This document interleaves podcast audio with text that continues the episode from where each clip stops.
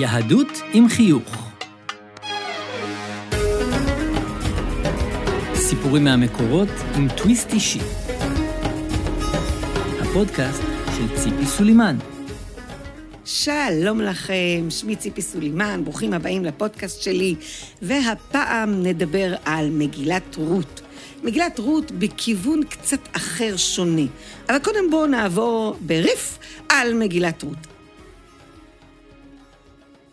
אז ככה, אה, מעשה באיש עשיר מבית לחם, שייך לשבט יהודה, קראו לו אלימלך, יש לו אישה בשם נעמי, שני בנים, מחלון וכיליון, אבל מה, יש רעב בארץ. ואז הוא מחליט לרדת מהארץ אל ארץ מואב. אממה, איך שמגיעים לשם, הוא נפטר, שני הבנים נושאים להם נשים, עשר שנים עוברות ושני הבנים מתים. ואז נעמי מחליטה לחזור לארץ ישראל. כאילו, די, נמאס לה, אין לה בעל, אין לה בנים, חוזרים לארץ ישראל. שתי הכלות שלה, חמודות, מלוות אותה לדרך. איפשהו בגבול, כנראה היא אומרת להם, תחזרו לבית האימא, בשביל מה אתם פה? מה זה נותן? אין לי עוד ילדים לתת לכם. ואז באמת אחת מסובבת את הראש, נפרדת, מחבקת, מנשקת אותה, מסובבת לה את הראש, והיא נקראת עורפה. השנייה נקראת רות, אומרת לה, לא, אני לא עוזבת אותך, לא יעזור כלום. אל אשר תלכי אלך, באשר תליני אלין, אני איתך לאורך כל הדרך. ואז הן חוזרות, שתיהן אל בית לחם. שתי נשים, בעצם עניות, בתחילת קציר השעורים. ואז נעמי נזכרת שיש להם קרוב שקוראים לו בועז, אבל הוא לא עושה שום דבר לעזור להם. בערב הן מחליטות מה הן עושות, ממה הן מתפרנסות. רות מציעה לצאת ללקוט שיבולים, כי זה קציר שעורים. ואז היא מגיעה ומלקטת, ומסתבר שהיא נוחתת בדיוק על השדה של בועז. בועז רואה אותה, שואל מי היא, הנער עונה לו, אה, זאת, הנערה המואביה הזאת שחזרה עם אה, נעמי. ואז הוא ניגש אליה ואומר לה, תקשיבי, את תהיי רק בשדה שלי. והוא גם מזהיר את הנערים שלא ייגעו בה, שזה גם חשוב. ואז הוא מחזק את רות, אומר לה, תהיי פה והכל, וככה עובר זמן, ולא קורה כלום בעצם ביניהם.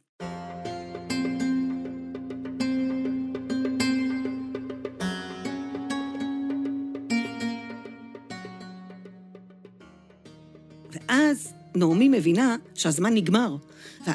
נגמר הקציר, איפה היא תפגוש את בועז? היא מבקשת מרות להתחפש, להתלבש ולהתאפר ולצאת אליו, לגורן. היא מגיעה לגורן, נופלת לרגליו ומבקשת שהוא יישא אותה לאישה. הוא אומר לה, רגע, יש לפניי מישהו אחר. בואי מחר בבוקר, ונראה אם הוא יסכים, ואם הוא יסכים אז הוא קודם, ואם לא, אז אני. ואכן זה מה שקורה למחרת בבוקר, הוא אוסף עשרה גברים, שואל את אותו אדם אם הוא רוצה, האדם השני אומר, לא, לא, לא, לא, יש לי אישה, לא רוצה עוד אישה. בטח לא מואביה. בועז מסכים, בשמחה, לוקח אותה, ובאמת נולד להם בן. ומה שקורה, זה מעניין, שהנשים אומרות, דווקא לנעמי, מניחות את הבן בחיקה ואומרות, בן יולד לנעמי. היא הייתה האומנת שלו.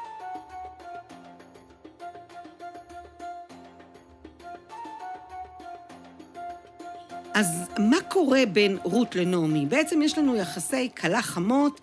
קצת שונים ממה שאנחנו רגילים לחשוב, שאולי כלה וחמות יש ביניהם איזה מתח. אה, האימא אה, אומרת, אני הריתי אותו, אני ילדתי אותו, אני דאגתי לו כשהוא היה חולה, והכלה כמובן היא האהבה של עכשיו. אבל בין רות ונעמי אין דבר כזה.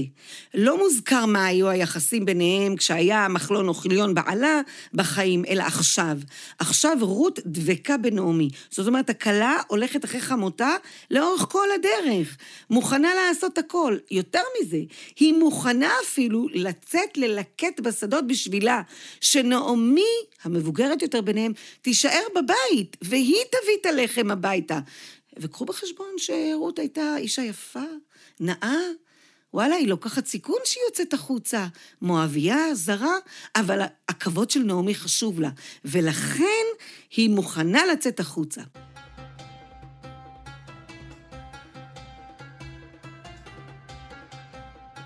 ויש עוד משהו. היא שומעת בקולה של נעמי. כשנעמי אומרת לה, עכשיו אין יותר סיבה אה, ללקוט אה, שיבולים, אז את צריכה להגיע אל בועז ולהגיד לו, אה, עכשיו תיקח אותי לאישה. בואו, מה, אין לה דרך אחרת לעשות את זה? כנראה שלא.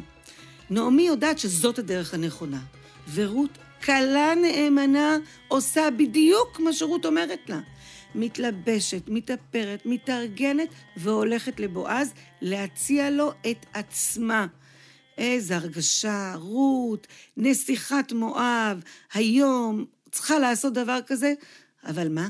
היא מכבדת את חמותה. מה שנעמי אומרת, היא עושה. זה אמון מוחלט בנעמי. אם היא אומרת, היא יודעת מה היא אומרת. תחושת הבטן של נעמי בוודאי נכונה. אז היא מוכנה לסכן את הכל בשבילה. איזה קלה סבבה, שומעת בקול חמותה. ובזכות זה, בעצם יצא עובד, אבי ישי, אבי דוד המלך.